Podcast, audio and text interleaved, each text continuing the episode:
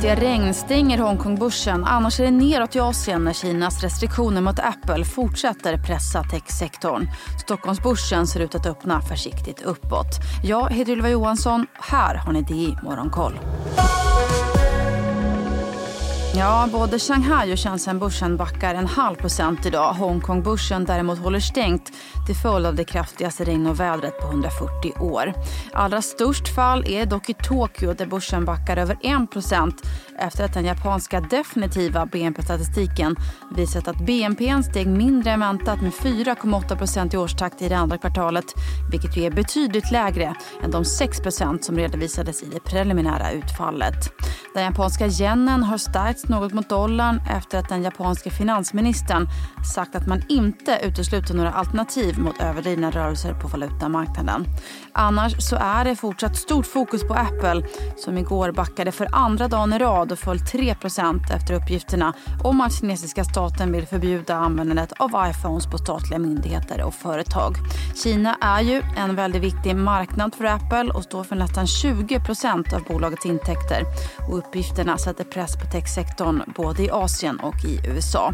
Chipjätten TSMC, som ju är en stor leverantör till Apple, backar 2% på Taiwanbörsen under morgonen. Även på Wall Street igår så kunde vi se flera underleverantörer till Apple som Qualcomm och Micron Technology föll tillbaka. Qualcomm rasade hela 7% Apple i sin tur har förlorat nästan 200 miljarder dollar i marknadsvärde på bara två dagar. Även börserna på Wall Street föll tillbaka igår efter att den amerikanska veckosiffran visat färre nya arbetslösa än väntat vilket stärkte marknadens oro över nya räntehöjningar. Breda SP 500 var ner en halv procent och tekniktunga Nasdaq föll nästan 1 procent. De amerikanska långräntorna har också fallit tillbaka. Tvååringen som igår stod över 5 procent står nu i 4,93 procent och tioåringen noteras i 4,23. På samma tema sa Fed-chefen i Dallas, Lori Logan, under natten att det kan vara lämpligt att hoppa över en räntehöjning i september men att det inte betyder att räntehöjningarna ska stoppas. Idag anländer ju också Joe Biden till New Delhi Delhi och G20-mötet som drar igång i helgen.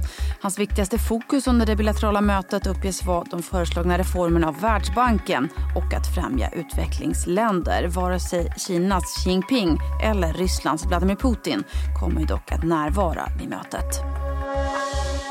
Så till Sverige där bostadspriserna står och stampar trots ett rekordstort utbud. I augusti så sjönk visserligen priset på bostadsrätter med 1% men de senaste 12 månaderna så är priserna oförändrade. Villapriserna stod också still i augusti men har däremot sjunkit 8% senaste året.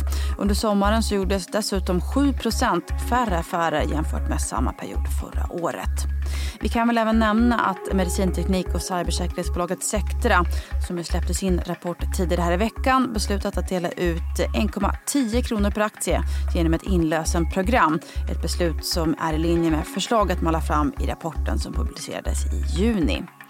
Under dagen ser vi också fram emot två svenska makrosiffror. Dels får vi reda på hur tajt det var i konsumenternas plånböcker under juli. Hushållens konsumtion står för nästan halva BNP och är därmed en viktig indikation för hur det står till i ekonomin och därmed också för Riksbanken. I juni så minskade konsumtionen med 1,7% i årstakt. Klockan åtta så släpps siffran för juli. Då får vi även SCBs snabbindikator för den svenska BNP för just juli månad. I juni så sjönk snabbindikatorn datorn med 1,4 procent jämfört med månaden innan vilket var den största nedgången sedan januari 2022. Missa inte heller Börsmorgon som drar igång precis som vanligt kvart i nio. Och Börsmorgon finns ju dessutom numera också som podd. Mitt namn är Ylva Johansson. Vi på DI Morgonkoll är tillbaka igen på måndag.